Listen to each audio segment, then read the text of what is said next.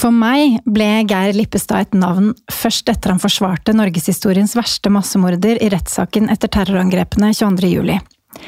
Siden har jeg fulgt ham fra sidelinjen og blitt fascinert over hvor kruttsterk driv han har, hvor mye mot og hvor støtt han står i sitt eget verdisyn, og i det å kommunisere det ut til alle oss andre, og hele tiden prøve å gjøre en forskjell. I fjor starta Geir partiet Sentrum, og har da foretatt en liten politisk reise fra Ap til ja, nettopp sentrum. Et parti jeg på mange måter tenker at er Geir Lippestad oppsummert? Og selv om jeg lurer på veldig mange ting når det kommer til Geir Lippestad, så er det én ting jeg lurer spesielt mye på. Hvorfor har han blitt som han har blitt? Ja, hva skjedde egentlig?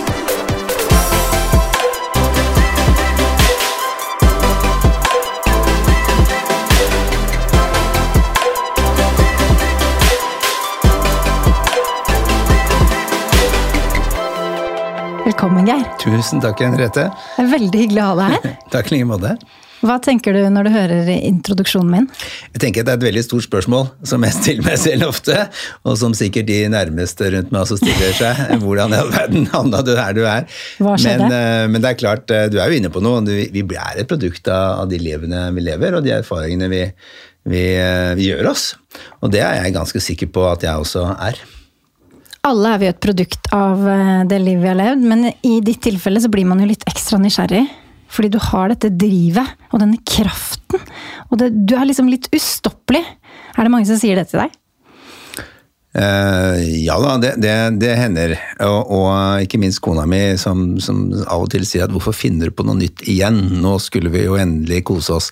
Men, men nei, det er et engasjement. Og, og det er klart at det, Ehm, når man har eh, i hvert fall jeg, da, noen opplevelser i livet som, som gjør at, uh, at, man tenker at søren, hvorfor er det sånn? Dette, dette skulle jo gjerne vært bedre. Så, så greier jeg ikke å la det ligge. Hva, vært bedre? Hva mener du da? At du er ja, misfornøyd med ting med deg selv? Ja, nei, men ikke misfornøyd, men la, la oss nå si den erfaringen jeg har hatt med å ha mange barn, og spesielt et barn som trengte mye hjelp. Rebekka var eh, psykisk utviklingshemmet og, og, hadde nedsatt funksjonsevne. Eh, trengte mye hjelp i samfunnet. Eh, og da eh, kjenne på hvor mye man må jobbe, arbeide, streve. Eh, jobbe for hennes menneskerettigheter og, og ja, muligheter til å delta i samfunnet. Eh, da, da, blir man liksom litt oppgitt og tenker at dette her må vi jo få gjort noe med. Sånn skal det ikke være. Uh, og så ser man jo da, sant, når man går litt i dybden på det, dette er jo ikke bare min historie, det er veldig mange menneskers historie. Det er 100 eh, 000 mennesker med nedsatt funksjonsevne som har lyst til å jobbe, lyst til å bidra i samfunnet, som, som, som, ikke slipper til. Det er kjempedyrt for samfunnet at det er sånn, og det er veldig dumt for den enkelte. Så, så da greier jeg ikke la være, da. Og særlig ikke når, eh, når jeg og min datter gått bort, men, men klart når du har dette så tett på kroppen, så, så blir det ja, så blir det et engasjement som gjør at man ikke liksom greier å legge det til side. Da. Så det mm. er mm. Det er jo en av tingene vi skal snakke mer om i denne podkasten. Ja. Men jeg lurer litt på eh, hvordan dere har hatt det eh, med storfamilien. Dere har altså syv barn, og hvorav ett av dem også er funksjonshemmet. Ett avlastningsbarn, og du og kona di Signe. Hvordan har det gått under pandemien med alle hjemme? Nei, altså Det begynte litt dramatisk for oss. Ja, det fordi det. vi var i USA på, ja. på ferie, da. Um, og så kom lockdownen i, i, i, mars, og vi, vi, kom ikke av gårde. Vi ble værende igjen i USA. Så, Hvor i USA var det? I, i Florida. Um, og der var vi da med to av de minste barna, og kona mi og jeg. Og der ble vi helt til, eh, til, mai, rett og slett, før vi da kom oss, eh, kom oss hjem. Så det var litt dramatisk, og i mellomtiden så ble eh, kona mi bestemor, og mye skjedde. Så, så det, var, det var en, eh, en veldig rar følelse av å sitte fast uten å kunne reise når du ville hjem så det var, eh, var, spesielt. Um, men utover det så har vi jo hatt det bra, vi skal ikke klage. Kona mi er jordmor, så hun har selvfølgelig vært på jobb. Eh, der, der kan man ikke ha hjemmekontor når babyer blir født. Det vil si det skjer vel innimellom det òg? Skjer vel innimellom, men ja, det, hjemmefødsel skjer jo, men, men, stort sett så er det på sykehuset. Og jeg har jo da hatt hjemmekontor, men retten og domstolen er jo åpne, så da da er vi jo selvfølgelig der. Og så har jeg jo, som du nevnte innledningsvis, vært med sammen med flere andre og stiftet parti i dette året. Og, det har vært en helt underlig greie at vi har bygd opp et parti i fylkeslag i alle fylker og valglister og ja, mange hundre frivillige som vi ikke har møtt fysisk, men på nett. Eh, på et vis litt rart, men på en annen måte så hadde vi ikke greid det heller hvis ikke vi hadde hatt denne digitale oppvåkningen da, som vi har hatt alle sammen de siste, siste årene. Så eh, nei, så jeg syns jo det har gått bra, men det er jo forferdelig når vi ser på nå næringslivet, eh, deler av næringslivet, kulturlivet. Ja, for jeg tenkte jeg skulle spørre deg om det, hvilke konsekvenser du tror vil være verst i Norge, og det er nettopp dette. Ja, nei, det, det er klart at, at mange mange vil oppleve det å gå konkurs, miste alt de eier, eh, miste levebrødet sitt. Ehm, særlig de som driver små forretninger og, og, og små utesteder, kulturaktiviteter. Og det er eh, veldig veldig tøft for, eh, for de som opplever det. altså. Og så vil nok Norge komme gjennom dette. Norge er jo hellig stilt ved at vi har et oljefond å øse av, slik at man kan um, Eh, kan eh, økonomisk sett greie liksom å komme seg gjennom, men eh, mange enkeltindivider vil jo komme, vil jo slite. Og så ser vi jo at, at mange er ensomme. Ungdom sliter, studenter sliter med, med helseutfordringer. Og, og, gamle, eldre mennesker sliter. Så, så, så nå tror jeg folk gleder seg veldig til at vi kan åpne samfunnet igjen. Men som politiker, eh, vi skal jo ikke gå dit at vi skal kritisere, for jeg tror vi alle sånn er ganske fornøyde med hvordan våre myndigheter har håndtert dette. Men er det ting du har vært kritisk til? Ja, jeg var eh, Jeg har jo ikke gått ut og kritisert, for jeg tenker at i en krise så skal vi prøve å være veldig edruelig med kritikken. Eh, men uh, i starten uh, gikk jeg ut med en Da jeg satt inne i USA, når, når, det var snakk om å fravike Grunnloven, altså regjeringen ønsket Stortingets tillatelse til å rett og slett fravike Grunnloven, altså menneskerettighetene våre, rettssikkerheten vår, for å møte pandemien. Og da skrev jeg et Facebook-innlegg hvor jeg sa liksom, i krisetider må vi i hvert fall ikke fravike Grunnloven. Da må, de, da må den stå der. For vi må ha noen verdier å stå på som vi er sikre, og som gjør at vi er trygge. Og så ble eh, det en, Det var jo mange som reagerte på det samme, og, og Stortinget eh, reagerte også. Og så ble det eh, endret slik at det ble fastsatt at Grunnloven skal stå der. Og så tenkte vi kanskje mennesker at er det liksom noe å diskutere i en krise, men, men så kom jo dette med at man ikke får reise på hytta, man får ikke reise til Sverige, man får ikke møte den man vil. Gamle dør uten å få sine kjære på besøk psykisk utviklingshemmede eh, som, som, ikke får foreldrene på besøk, og som, som, som er, ikke forstår, kanskje ikke forstår helt hva som skjer. Eh, helsehjelp som blir borte. Og det er klart, i, i, det perspektivet så er det ekstremt viktig at man ikke liksom eh, trekker vekk menneskerettigheter og helt grunnleggende rettigheter som vi mennesker har. For, for, for hvis man gjør det, så, så, så, er det en utrygghet for oss alle sammen. Så det reagerte jeg veldig på, men det ble heldigvis justert. Ikke pga. min reaksjon, sikkert, men pga. manges reaksjon.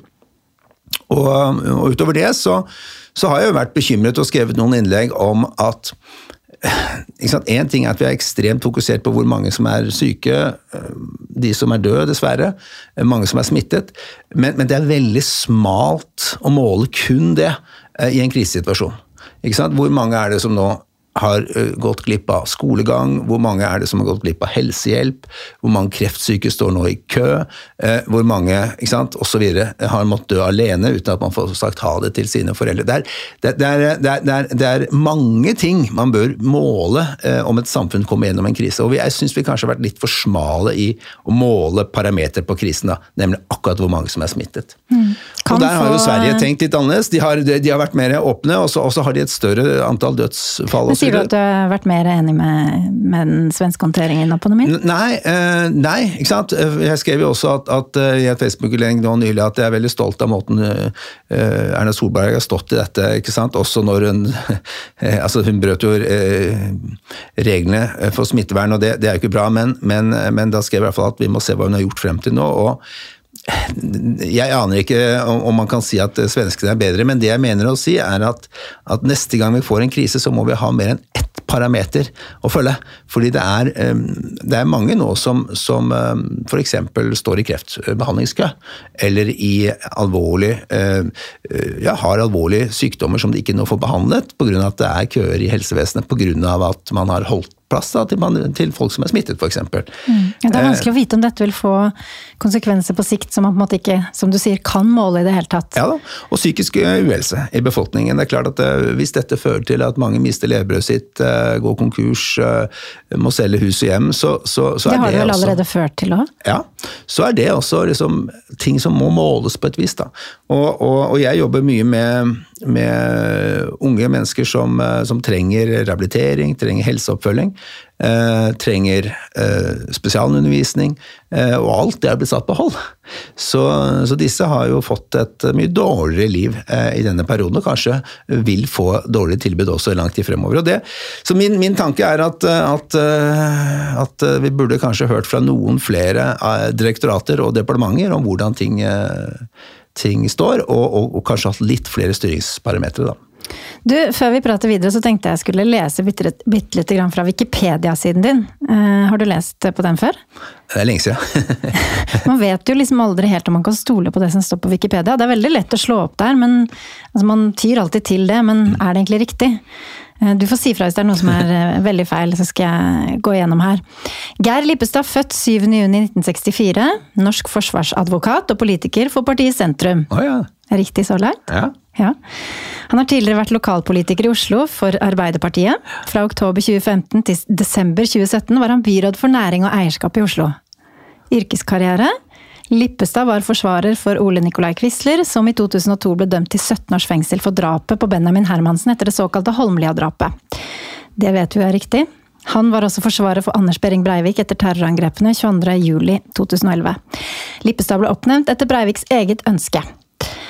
Eh, fra arbeidet som forsvarer ble Lippestad kåret til årets prestasjon i 2011 i Finansavisens årlige advokatkåring. Der fikk du sikkert noen andre utnevnelser òg, eller?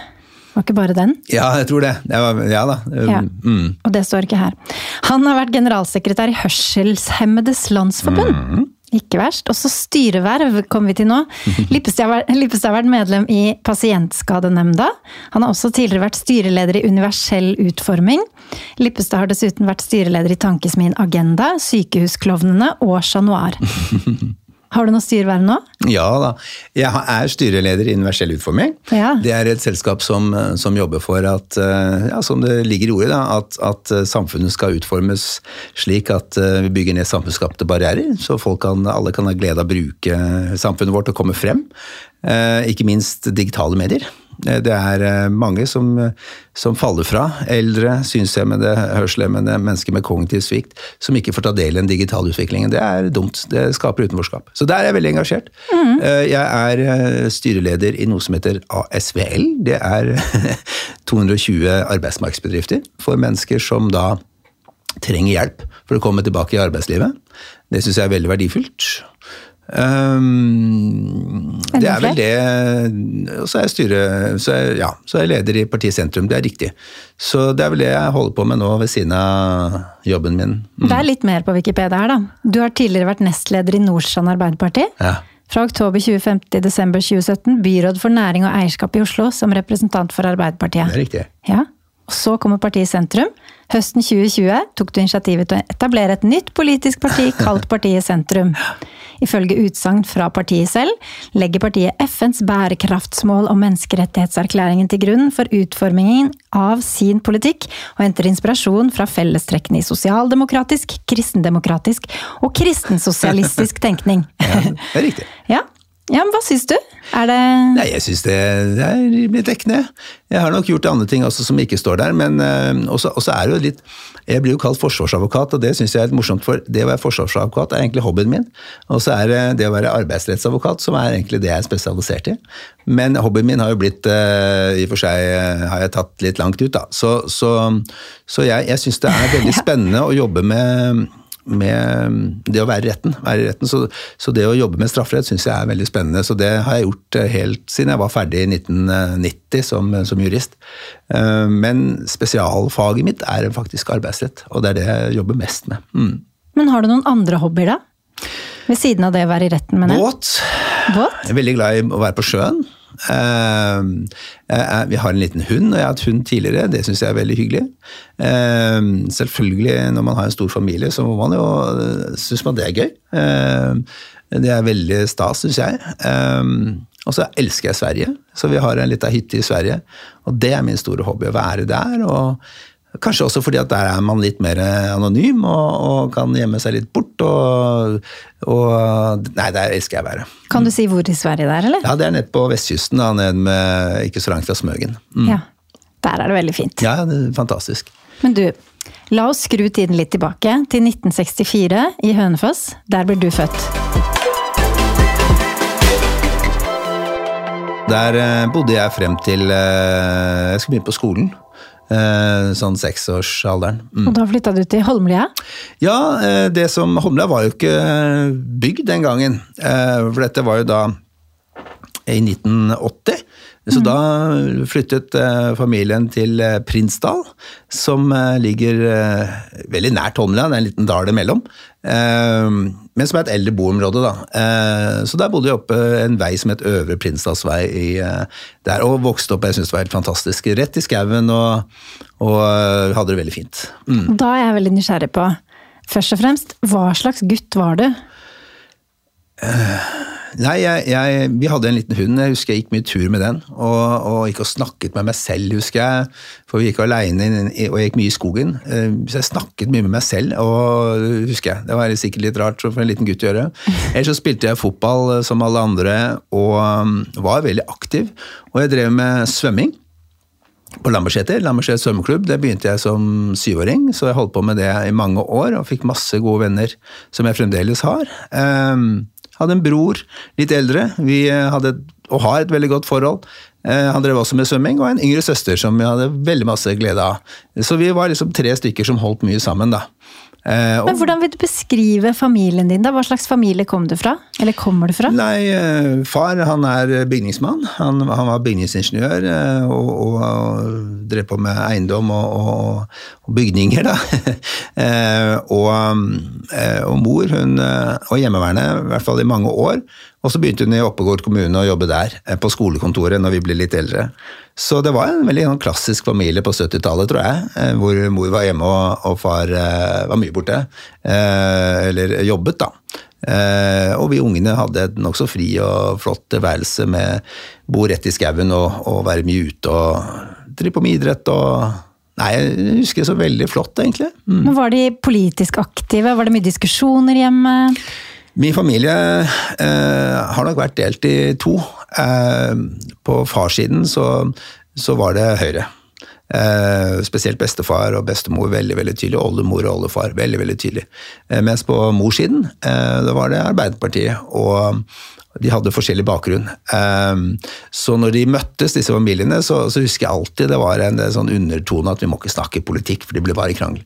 Ja. Og jeg husker jo også oppe hos bestemor så ble Gerhardsen slått av når, når, var, eh, når han kom på TV-en og sånn. Så det var, det var, liksom den klassiske klass, klassekampen da, ja. mellom mer en arbeiderfamilie som uh, mor kom fra, og en, en, en, mer hva skal vi si, borgerlig familie da, som far kom fra. Mm. Så hjemme ville dere egentlig disse meningene litt ned? Ja, vi, vi, eh, det ble liksom litt sånn uh, du vet, Det var midt i den tiden hvor strandlov og en del sånne viktige reformer kom, og selvfølgelig velferdssamfunnet. Um, uh, ja, De ting som gjorde at man kunne bli uvenn med både nabo og familie. Ikke sant? Og, og veldig mye viktig politikk som ble, ble, ble lagt på plass der på 60-70-tallet. Så, så, det er klart det var, det var jo Jeg skjønner jo at, at, man var eh, uenig. Nei, så jeg tror ikke Mor og far snakket ikke så mye politikk. Det gjorde ikke det, I hvert fall ikke som vi hørte på. Mm. Så den der driven din som jeg liksom er litt på jakt etter, kanskje mm. ikke den kommer eh, Den må jo komme litt derfra, men kanskje ikke først og fremst derfra. Jeg tenkte litt på en hendelse.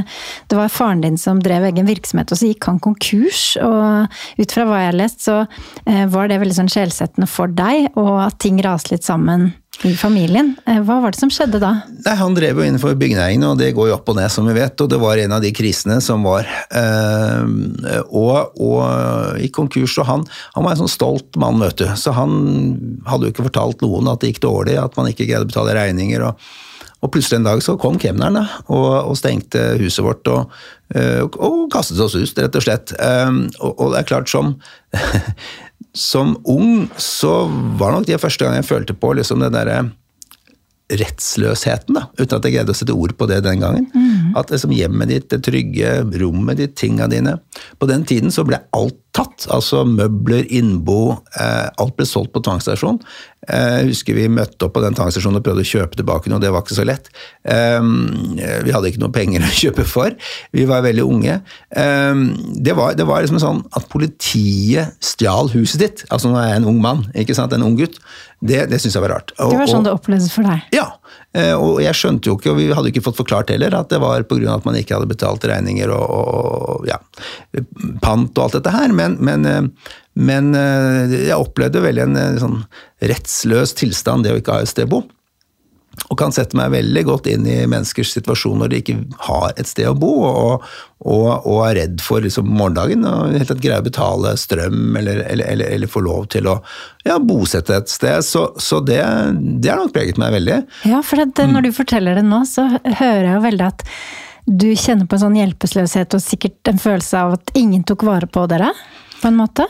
Ja, opple vi opplevde det sånn, ikke sant. Og, og, jeg husker at jeg var sikkert veldig sint jeg som sånn ung, ung gutt og, og, på samfunnet og hva slags samfunn er det. Men så på et eller annet tidspunkt så tenkte jeg dette må jeg jo Jeg må finne ut av hva, hvordan kunne dette skje. Og da husker jeg snakket med far, og han fortalte da dette med regninger og sånn. Men, men så tenkte jeg altså jeg må finne ut at jeg, jeg må jo kunne vi må jo kunne liksom ta til motmæle på et vis. Og da, da, ble dette med juss, da. ikke sant? Og jeg begynte etter hvert på videregående og, og, og tok juss som valgfag. Eh, og syntes det var spennende. Og var jo veldig opptatt av da selvfølgelig boligrett og, og husleierett og panterett. Folk syntes det var rart at en mm. ung type syntes det var moro med panterett, men jeg tenkte hvordan dette her må jeg finne ut av. Mm. Hvordan kunne banken ta, ta huset vårt og, og, og det ble ikke solgt engang, det sto tomt i mange år, altså revet. Hvorfor kunne ikke vi ha bodd der? Um, så, så, så, det var jo nok en spire til at jeg syns juss som et virkemiddel for å ivareta rettigheter var interessant. da. Men så skjer det noe annet ganske sånn skjellsettende i livet ditt. Eh, I 1982 så ble det drept en kvinne i Oslo. Eh, var det på Oslo S? Eh, hva var det som skjedde? Du kan forklare det selv. Ja, nei, det, det, som skjedde på Østbanen, som det het den gangen, da, 82, så det var plassert en bombe der. I en av oppvaringsboksene. Og den eksploderte. Og en kvinne ble drept, og flere ble vel også skadet. Um, så det var jo en voldsom hendelse i Oslo og ble slått veldig opp i media selvfølgelig og alt.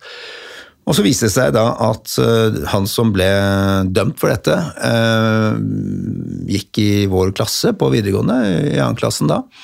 En helt vanlig elev. Uh, en helt vanlig gutt fra en helt vanlig familie. Og det, og, og det satte nok gang eh, i vår vennegjeng. altså liksom, Hvordan kunne dette skje? Eh, hvordan, hvordan, altså Vi trodde jo at drapsmenn, eh, folk som lager bomber, folk som plasserer bomber i, i, og som eksploderer, som kan drepe mange, at, at, det var noen helt spesielle typer. Men dette var altså en kar som var vokst opp på Nordstrand, og, og vi kjente godt og hadde mange år vært, vært sammen med, så, så, så det satte i gang en prosess. Hvordan hvordan kan man bli radikalisert, eller hvordan kan man liksom gjøre sånn eh, når man kommer fra et, et, et, helt alminnelig bakgrunn? Da. Mm. Hvorfor begynte du da å etterforske din klassekamerat, si, og finne ut av hva det som har skjedd med han som har gjort at han kan begå den handlingen? Nei, ikke da, ikke sant? for da var vi jo for unge, men vi, vi, vi kameratgjengen stilte også det spørsmålet mange ganger, og det var på den tiden også et nokså høyreekstremt miljø. Men fant dere noen gang ut av hva som hadde skjedd med han? Nei, vi leste jo eh, dommen og, den type ting. Jeg fant ikke noe svar eh, som vi som 18-åringer eh, eller 17-åringer eh, skjønte den gangen. Men, men, men, svaret er nok like enkelt som komplisert, at det skal fryktelig lite til før unge mennesker havner på feil side av loven. Det er og, og, også alvorlige ting. Det er, det er ikke sånn at at man kan eh, se ut hvem som eh, det går bra med, hvem som det går dårlig med. Det, det skal veldig litt til. Hvem du blir påvirket av. I løpet av en sommer kan du endre karakter. Og jeg har jo sett det mange mange ganger, dette med radikalisering, og, og, og folk har søkt mot radikale miljøer, da, om det er høyreekstreme eller, eller, fundamentalister på andre måter. Altså, det er lite som skal til. vanlige mennesker, ungdom, kan i løpet av få uker ja, havne i veldig radikale miljøer. og det og det, var nok, eh, det er nok den erfaringen jeg sitter igjen med også, fra, fra den gangen i 1982. Da. Mm. Men er det den hendelsen der som gjør at du takker ja til de ganske krevende forsvarergjerningene du har hatt eh, i senere tid? Nei, i hvert fall ikke som hovedgrunn. Altså det, det, er klart at det Jeg har som forsvarer da, eh, i alle disse årene alltid en interesse for de menneskene jeg møter. hvor hvordan ble det slik? ikke sant? Hvordan, hvordan, hvordan gikk det galt? Men, men, det er klart at eh, når det gjelder så dramatiske saker som f.eks. 22. juli-saken, så var det nok Det er nesten rart å si det sikkert, men da tror jeg det mer var kampen for min datter og alle hennes eh, eh, søsken, eh, altså eh, rundt omkring i landet, som er, har samme situasjon, søsken og brødre, altså psykisk utviklingshemmede, når man slåss for deres rettigheter, så blir jeg inni meg ikke sant, nesten sånn oppgitt over hvordan er det mulig? Hvorfor, hvorfor, er vi ikke enige om at også psykisk utviklingshemmede i Norge skal ha de samme rettighetene som andre? Du vet det, eh, eh, Henriette, at 9. mars i år, oppe i Stortinget, så var det en, en sak om FNs menneskerettigheter for mennesker med nedsatt funksjonsevne skulle bli en del av norsk lov. Og når jeg sier det til folk der ute, tror dere at menneskerettighetene, FNs menneskerettigheter gjelder funksjonshemmede i Norge? Ja, selvfølgelig. ikke sant? Nei, det ble nedstemt. Og det ble til, og med kalt uekte rettigheter. Psykisk utviklingshemmede i Norge er nok den gruppen som, som, er mest diskriminert av alle i Norge. Eh, og, og, og, dette har jeg også følt på selv. Og, og, så er jeg blitt veldig sint på sant, folk som som da setter spørsmålstegn med, med, med, med rettighetene til, til, mitt barn. Og, og tenkt hva er det for et menneske? Og når jeg reflekterte over når, eh, om jeg skulle si ja til 22. juli-saken, så var det liksom en refleksjon. Vet du hva, Geir? Enten så mener du at rettssikkerhet ikke har noen toleransens ytterpunkt. Eller så mener du at det har en toleransens ytterpunkt. F.eks. at noen som har gjort så grusomme ting, ikke fortjener rettssikkerhet. Men da kan heller ikke du bli sint på de som mener at din datter ikke har rettssikkerhet. Da må du forstå at noen mener at Kanskje skal uh, psykisk utviklingshemmede uh, ikke ha samme rettigheter til arbeid og skole fordi de nettopp er psykisk utviklingshemmede, ikke skal leve så lenge. Kanskje, da, da, må du tenke at vel, da må du forstå at noen mener det. Og det, og det, det sa jeg til meg selv, husker jeg, at nei, du, det aksepterer jeg ikke. Så, så, jeg tror mer at det er min, mitt liv sammen med Rebekka, selv om hun overhodet aldri noen har gjort noen, noen noe vondt, bare godt. Men kampen for hennes rettssikkerhet og, og, muligheter som gjorde at jeg sa ja til 22. juli-saken, for rettssikkerhet må være en absolutt størrelse. Også eh, for en som er terrorist. Og så må man ta ansvar for det man gjør, selvfølgelig. Så jeg husker jeg gjorde akkurat den refleksjonen den natten jeg ble spurt. Og jeg tenkte jeg skal i hvert fall ikke tenke at rettssikkerhet er avhengig av hvilken person som spør meg. Men hvordan er Norge som samfunn, når du har kjent på dette med å ha en funksjonshemmet datter, um, opplevd at hun er en del av en diskriminert gruppe. Du har også forsvart um, drapsmenn og ja, stått, liksom vært, stått på, på, i ytterkanten da, i mange saker. Um, hvordan opplever du Norge som samfunn da, i møte med ting som er annerledes? Norge er jo et veldig godt samfunn, det, det må vi jo bare slå fast. Men så er det, er det sånn at, at, det er en del grupper som, som møter samfunnsskapte hindringer.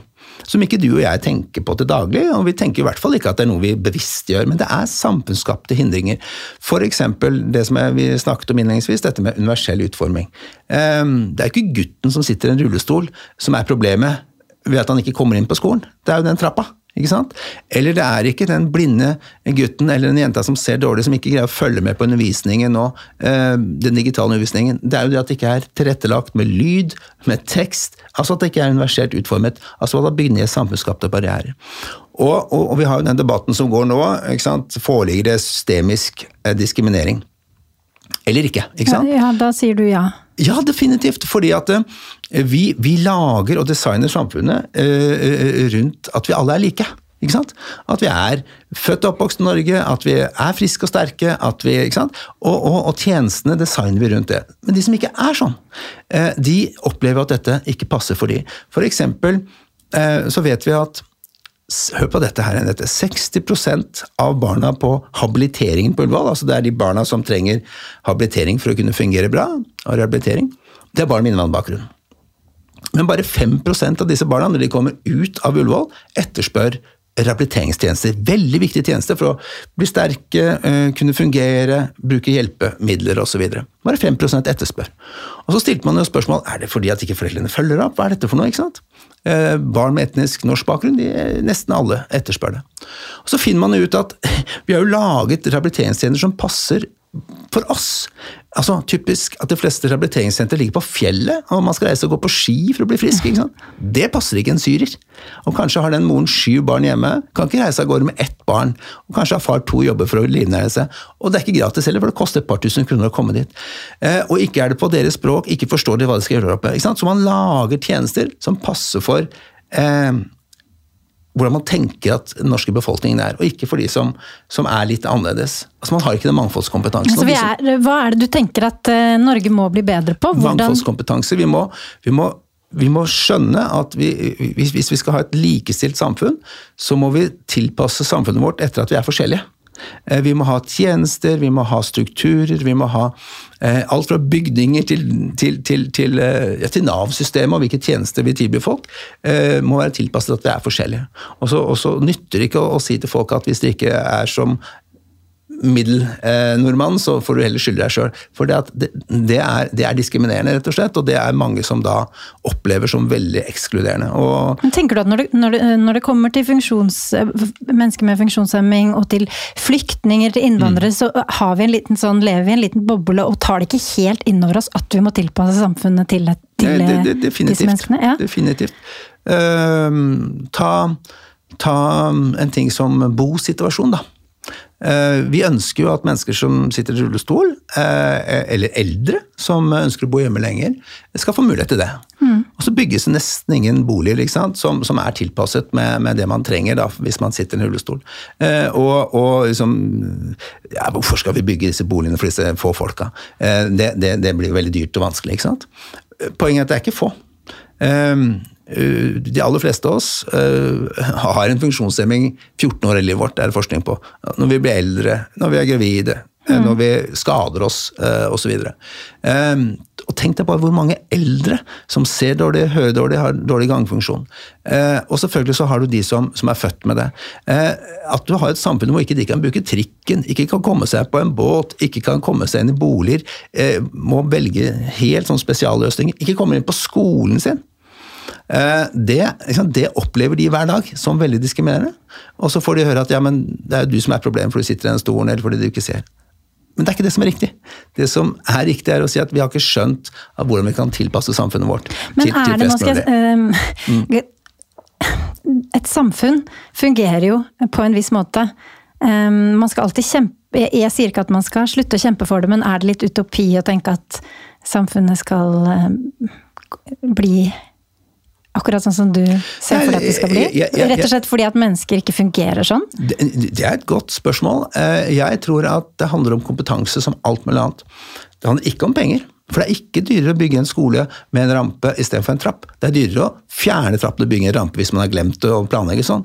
Det er ikke dyrere å bygge eh, en trikkestasjon som er i samme høyde som trikken, så du kan inn hvis, eh, kjøre inn hvis du, hvis du, har planlagt for det. Det er ikke dyrere å bygge operaen slik at alle kan gå inn hovedinngangen, og ikke må gå inn bakgangen hvis du er sammen med vennene dine og skal på opera.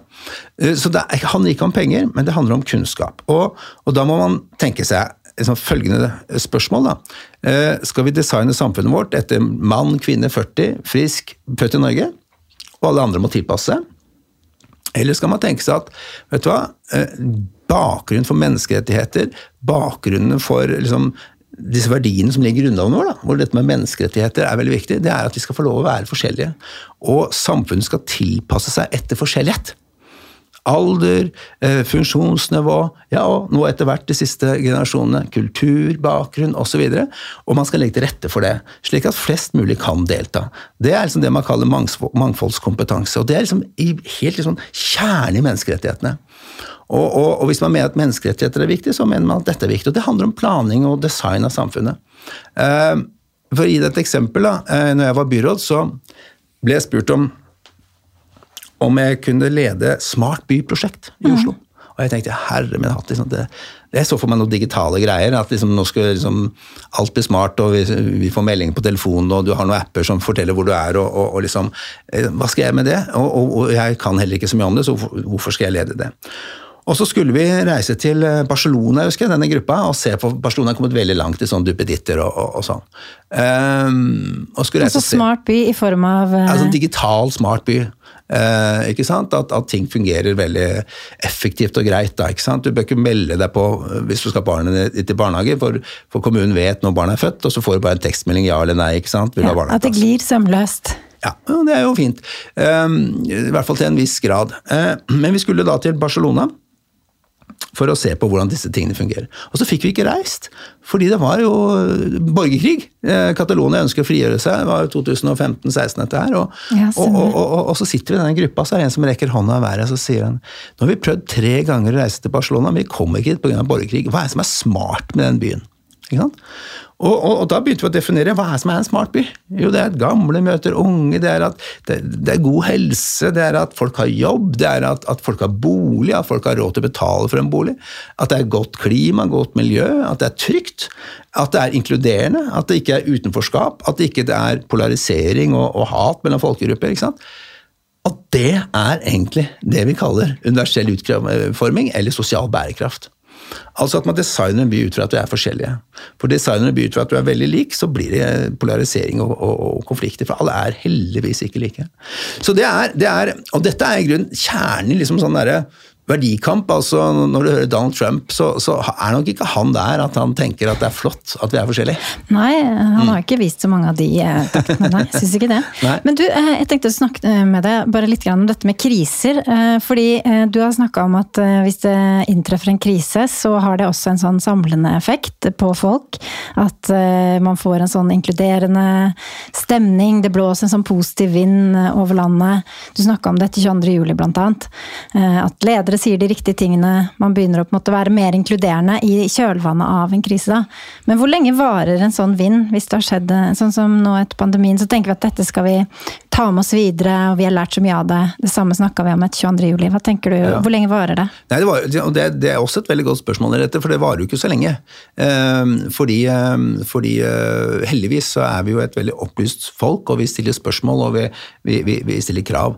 Eh, men, men, men det jeg mente å si eh, både når det gjelder ehm, pandemien, altså da når vi skal inn i en krise, så må vi stå på noen grunnleggende verdier, ikke sant? sånn som Grunnloven vår er.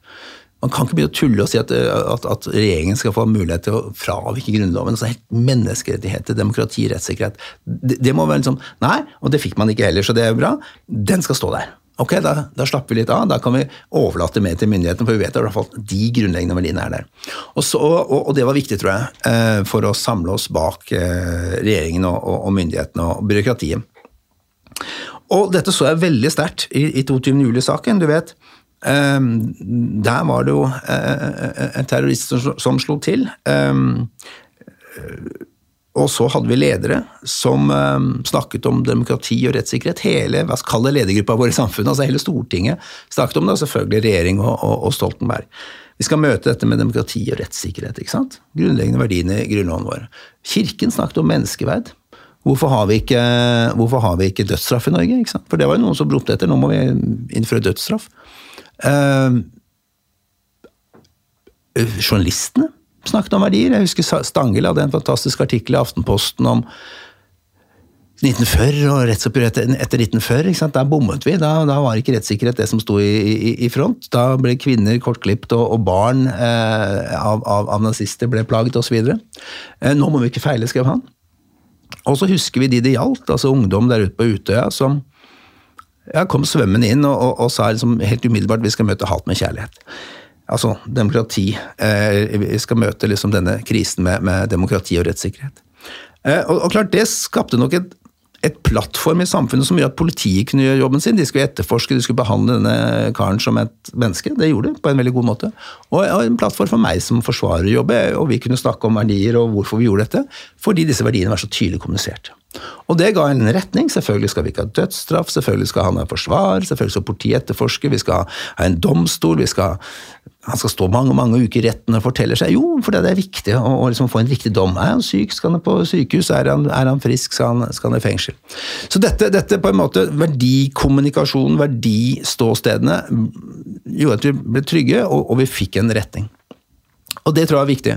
Og så har jeg tenkt mange, Men så ebber det litt ut etter hvert? Det ebber ut, og etterpå så har vi jo Vi har jo ikke et mindre eh, diskriminerende samfunn i dag. Eh, vi har jo mer diskriminering. Ja, nettopp. Det er litt det jeg ville fram til. Ja. For det er ganske interessant. Eh, mer diskriminering, mer polarisering eh, i Europa og USA og, og i Norge. Um, så det er klart at, at um, og, og, jeg vil jo si at hadde det vært en muslim som hadde gjort dette, så ville vi nok også stått i en helt annen situasjon i, i, i 22. juli, hvor, hvor, folk hadde rettet hatet sitt mot ikke den gjerningsmannen, men kanskje en hel gruppe mennesker. Det, så, så, vi må ikke tro at vi er, eh, at vi er um, vaksinert mot uh, at, at, vi ikke reagerer med, med, med rasisme og sinne og, og, og, på en primitiv måte. Da. Ja, for du sier at den samlende tonen og um, fokuset på demokrati osv. nok kom lettere fordi det var, han var på et vis en av oss. Ja, Hvem skulle vi angripe, liksom? Mm. Eh, de på vestkanten, da? Eller skulle vi angripe de som har vært medlem av et politisk parti? Eller skulle vi, skulle vi Han var kristen, skulle vi angripe kristne? Det var helt meningsløst. Så, så Men hadde det vært en muslim, så hadde vi hatt så mye å angripe? Det er jo tilbake til det vi snakket om, de underliggende diskriminerende eh, strukturene i et samfunn. Ja, mm. eh, da tror jeg, eh, og mange med meg, at, at, da ville nok muslimer følt at de ble utsatt for, for, eh, for hets og, og for, eh, for, forfølgelse. Og vi så det jo. Unge jenter som fikk revet av seg hijaben, og, og, folk som begynte å bli angrepet den morgenen. Før, før vi visste. visste hvem det var. Mm. Mm. Men du, Apropos kriser, eh, hvis vi skal bare ta det litt ned til det personlige plan. Eh, du har jo stått i noen kriser selv, eh, både på jobb og privat. Nå er det mange som har stått i kriser selv under pandemien, og kommer til å gjøre det. Hva er ditt beste råd til folk som står i kriser, enten er liten eller stor, men som oppleves som en krise? Åh, ja, hva skal jeg si? Um ja, min største krise eh, eh, som jeg ikke visste helt hvordan jeg skulle komme gjennom, var jo det selvfølgelig den situasjonen hvor man mister barnet sitt, som, eh, som dør, rett og slett. Eh, og, å komme gjennom det. Um, uh, Rebekka ble 17,5 år, og, og, og de siste årene hun levde, så hadde hun respirator. Eh, og på et tidspunkt så ble hun da så svak og dårlig at, at respiratorbehandlingen måtte opphøre. altså Hun skulle dø. Så vi fikk et klokkeslett og, og, tidspunkt for når legene skulle slå av respiratoren. Og det er klart at det, de, den uken hvor vi gikk og så denne, dette klokkeslettet komme nærmere og nærmere, det, det, det, var jo en uke jeg tenkte jeg aldri kom til å greie å komme gjennom. Og i hvert fall ikke etterpå. Da tenkte jeg hvis jeg kommer gjennom det, så er det fordi jeg skal være hos Rebekka Eh, og, og trygge henne helt til, helt hun ikke lever lenger, men så skal jeg bare Etterpå så vet jeg ikke hva som skjer. Um, um, og, og, og, jeg trodde ikke jeg skulle greie det. Um, men så husker jeg tenkte, det var vel siste natten hun levde, og jeg lå sammen i sengen der, at, og da husker jeg ba til Gud nå må du gjør jo hva som helst i en sånn krise. Jeg ba til Gud og sa nå må, nå må du, Fins du, så må du liksom Rebekka har ikke gjort noe, noe mot noen gang. Nå du, når legene kommer i morgen, så må du finne noe positivt i helsen hennes som gjør at nei, vet du hva, vi tror at dette går bra likevel. Mm. Men så husker jeg jeg lå og tenkte at hvis du ber om det, hvis, hvis, det er forventningen, altså et mirakel, noe nesten umulig skal skje, så, så blir du skuffa og sint. Du blir eh, Du greier ikke å nå det målet. Eh, du har ingen kontroll på det heller.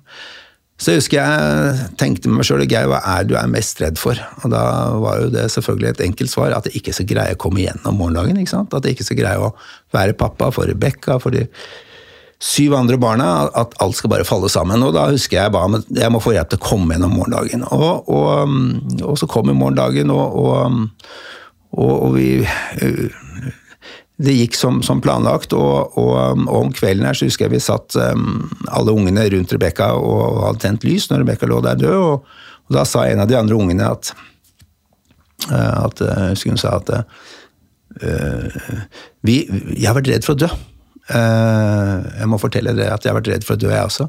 Men etter hvert med Rebekka i dag, så er jeg ikke redd lenger. Uh, og, og, det var ikke noe trøst i det hun sa, men jeg husker jeg tenkte jeg har greid å komme gjennom dette, og vi har greid å komme gjennom det, i hvert fall foreløpig, selvfølgelig med enorm sorg, men uten at vi går helt til grunne. Så, så, svaret på spørsmålet ditt er at du skal være ekstremt varsom med hva du ber om når du er i en krise. Altså hvilke mål du setter seg, eller, eller hvilken, ja, hva du ber om eh, av deg selv. Eh, og, og, og, hvilke forventninger du setter deg selv. Sett forventninger som du har en viss kontroll på at du kan uh, greie å gjennomføre. Og det, altså hadde jeg, hadde jeg ventet Akseptere litt at det er sånn, rett og slett? Ja, altså du må i hvert fall være veldig forsiktig med å be om eh, Eh, for mye, slik at, at, at du blir skuffa og føler på at dette, dette, makter jeg ikke, dette greier jeg ikke. Sett enkle, små mål som, uh, som man har mulighet til å, til å oppnå. Uh, altså Rett og slett vær veldig varsom med hva du ber om, og hvilke krav du setter til deg selv. Men Sett krav til deg selv, men, men, men vær varsom med hvilke krav du setter. for setter man buen for høyt der, så, så vil man jo oppleve at man ikke har maktet, at man har sviktet, at man, at man ikke til, har vært tilstrekkelig, ikke har greid å være en god far. greid, liksom, og, og, og, da blir jo ting bare enda mye verre. Mm. Men har du noen gang, og det var kanskje noe du opplevde i kjølvannet av dette, øh, tenkt at du bare ønsker å For jeg tenker at du er en person som ikke tenker det, da, sånn som jeg ser deg. Men har du noen gang tenkt at du bare ønsker å legge deg ned og ikke gå videre? Nei, det har jeg aldri tenkt. Nei, du har ikke det? Um, uh, jeg har veldig ofte tenkt at nå har jeg lyst til å legge meg og hvile meg litt. Ja. men, men, jeg har aldri tenkt at, at, uh, at, jeg skal At jeg ikke orker å gå videre. Um, og, og, og, det er litt rart, fordi um, Apropos dette med mål, for at i, i, i, livet for øvrig, altså dette med å starte parti, det er jo galskap, selvfølgelig. Hvordan skal man greie å få til det? Der kan jeg sette meg mål som er veldig nesten umulig å nå.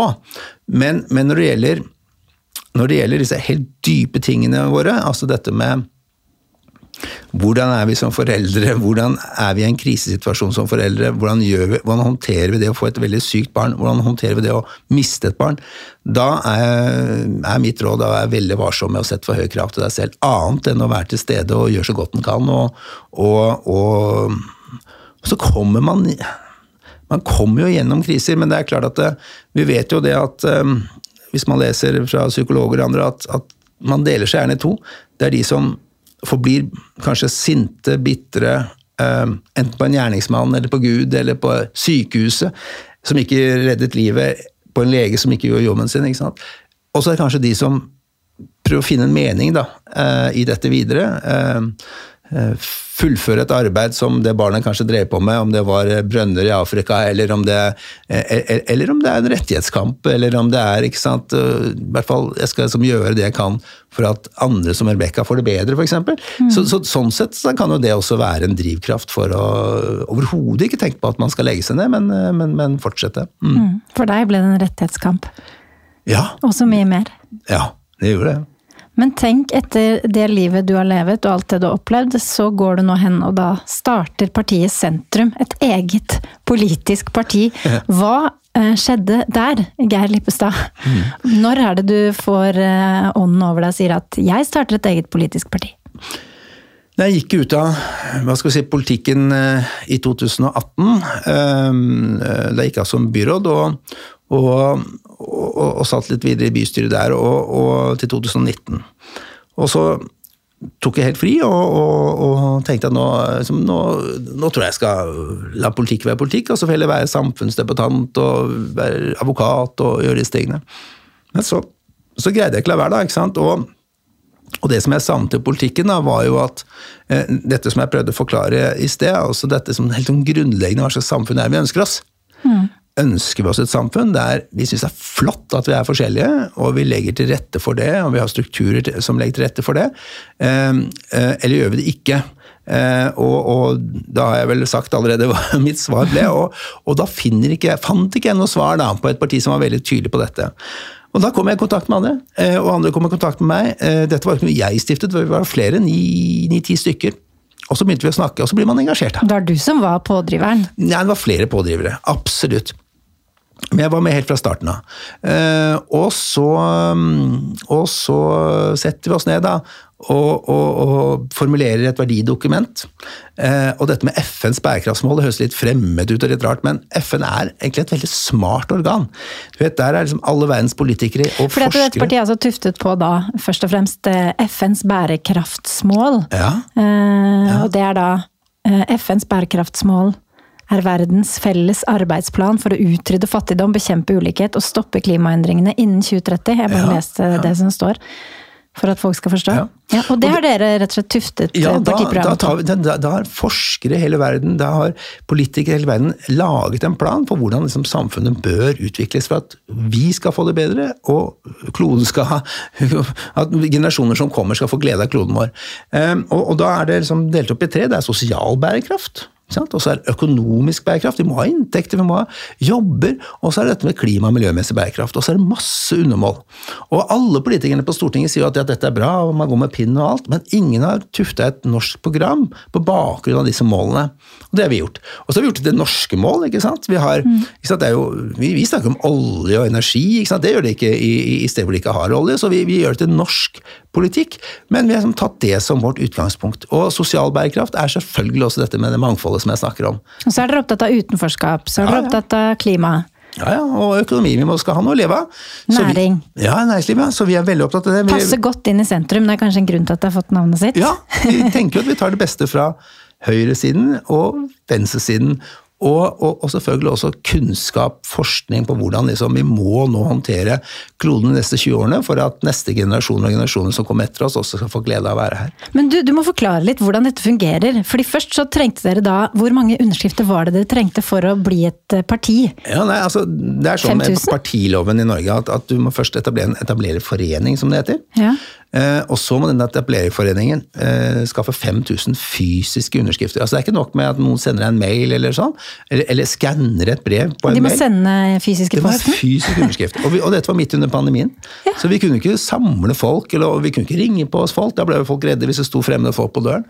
Så, vi- så vi tenkte hvordan i all verden skal vi få 5000 underskrifter? Og vi måtte ha det i løpet av åtte uker, for vi hadde jo lyst til å for vi måtte levere det før uh, nyttår, slik at vi kunne være med i valget nå til høsten. Ja. Så, så det, det, i all verden, dette her. Apropos det sette seg litt sånne hårete mål, det var liksom ikke et sånt mål vi hadde kontroll på. Det gikk da åpenbart bra? Vi fikk 7800 underskrifter og, og fikk levert det før nyttår.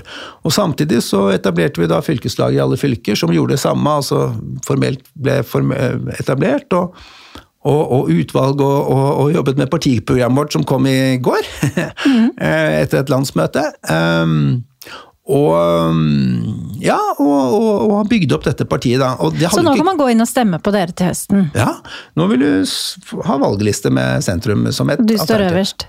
I Oslo så står, står jeg øverst, og så er, har vi forskjellige alle fylker. Hvert eneste fylke og valgkrets har sine folk fra sentrum, så vi har i alle fylker. Men hva ser du for deg at du kan få av stemmer? Eh, Hvor mange prosent må dere få for i det hele tatt eh, kunne ha noe som helst slags påvirkning? Ja, men der er jeg litt sånn vet du, at, at jeg, jeg eh, akkurat Nå hørtes jeg veldig sånn kritisk ut, Nei, nei, men jeg mente ikke å være det egentlig. Jeg er bare nysgjerrig, jeg. For at jeg kan ikke så mye om hvordan det der eh, fungerer. Jeg tenker når man setter seg mål, da, litt tilbake til dette med mål, at jeg kunne godt sette meg mål liksom at vi skal ha 40 000 stemmer eller 100 000 stemmer, eller komme, over, eh, komme inn på Stortinget, da trenger vi så og så mange. Men, men, eh, men i hvert fall foreløpig så har jeg satt disse målene, delmålene, akkurat som jeg gjorde med datteren min. Ja. Ja, det var å komme seg på, eh, bli et registrert parti, få fylkeslag, få lister. Eh, nå handler det om å få et godt program, som vi mener vi har fått da. Landsmøtet er gjennomført. Eh, og nå skal vi drive valgkamp. Og så, hvordan skal vi få til det? Vi har jo ingen penger, så, så vi har ikke noen svære organisasjoner bak oss eller rike onkler, så hvordan skal vi få til det? Og så må jeg jo legge til at du jobber som forsvarer Ja, ved ja. siden av dette. og har jo noen barn å ta vare på sånn, så, Ja, så legger vi disse dag-til-dag-målene. Og så får resultatet bli det det blir. Eh, Men vi har kommet for å bli. altså Vi gir oss ikke om vi ikke kommer på Stortinget nå til høsten. Da får det bli kommunevalg, og så blir det neste stortingsvalg. Men vi har mål om å komme på Stortinget eh, nå til høsten. Og da trenger vi ikke så fryktelig mange stemmer, vet du. I Oslo en 24 000-25 000 stemmer. Ja, Det er, mener jeg absolutt. Da kan du, hvis du kommer på Stortinget, da er du fornøyd? Ja, det er jo veldig fint. Ja. Da, da vil vi jo absolutt eh, være med å prege norsk politikk. eh, Ja. For være, de som er på Stortinget, gjør jo det. Det blir veldig spennende. Så det er veldig gøyalt. Så det får vi se. Men som sagt, vi eh, Ja, det, det, vi jobber for det. Og, og, og det er klart at det vi merker nå, da, at når programmet vårt er klart, det er det Folk i Norge er jo veldig opplyst. Ja, men Det høres spennende ut, men vi må jo lese programmet deres. Og før, før nå 9., så hadde vi jo ikke noe program. Eh, eller Var det det veldig stas, eller å endelig få lagt ut det? Det var kjempestas. Partisentrum.no, er det ikke det? Ja, og det var kjempestas. Og, og også det at liksom hele organisasjonen, da, for nå er vi jo eh, mange hundre som har jobbet med det programmet, mange frivillige og, og medlemmene og alt, at vi hadde et landsmøte, vet du. Jeg tror vi brukte 84 kroner jeg, på det landsmøtet. Eh, det var noe brus og en bolle som ble kjøpt. Eh, Men altså like mange mennesker, flere hundre mennesker som er med på landsmøtet, stemmer fra programmet. Vi hadde 1200 endringsforslag til programmet. Akkurat som skulle vært et stort parti. Så enormt engasjement. Så når jeg la meg den kvelden, så følte jeg liksom at dette her er jo helt fantastisk å være med på. Det Får du sove siden. da, eller? Men da la jeg faktisk våkne og tenke på det, for da er det bare noen måneder siden vi satt en gjeng og, og tenkte liksom er det noen som bryr seg om dette her. Um, så vi syns vi Men det er jo dette jeg er så imponert over. Det er jo Mm. det, dette som på en måte er eh, hele utgangspunktet for dette intervjuet. Hvordan, altså, hva er det du har laget da, liksom? Nei, men jeg har flaks. Eh, jo, det tror jeg. Kan ikke bare være det. Eh, fordi at eh, når jeg satt og, på det landsmøtet, så, tenkte jeg hadde jeg skulle organisert dette her, hadde det vært en fiasko. Hadde jeg skulle planlagt dette, hadde vært en fiasko. Hadde jeg skulle lagt opp stemmeregler og alt, hadde vært en fiasko. Eh, eh, eh, så, så, så det er fryktelig mange flinke folk, ikke sant? så da har jeg flaks, da. Og ha de rundt meg. Og sånn er det i min familie også. og Jeg er litt kriser flink til å velge riktige folk, da, tydeligvis. ja, det er jo kanskje, men, men, men det er klart at du spurte om dette med å komme hjem kris, gjennom kriser også. En ting er hva du ber om av deg selv, men selvfølgelig hvem du har rundt deg er kjempeviktig.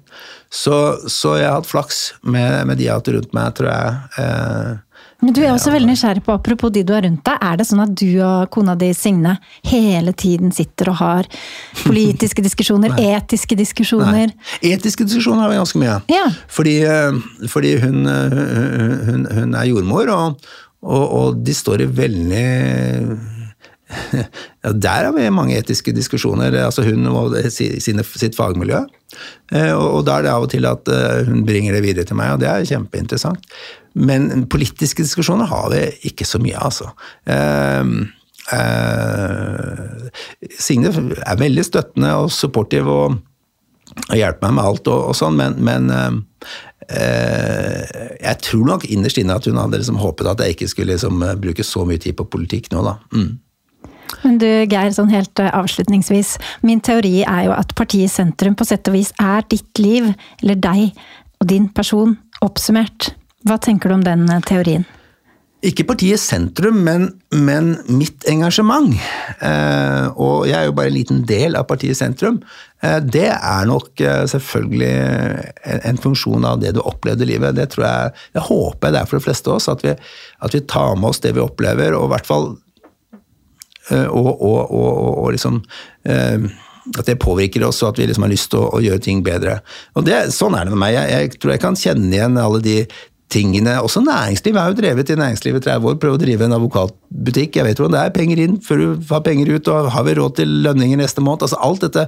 Så, så, så liksom, At man er opptatt av næringsliv er jo fordi at man også har vært en del av det. Og selvfølgelig det sosiale og, og, og klima. Så, så du har nok rett i det.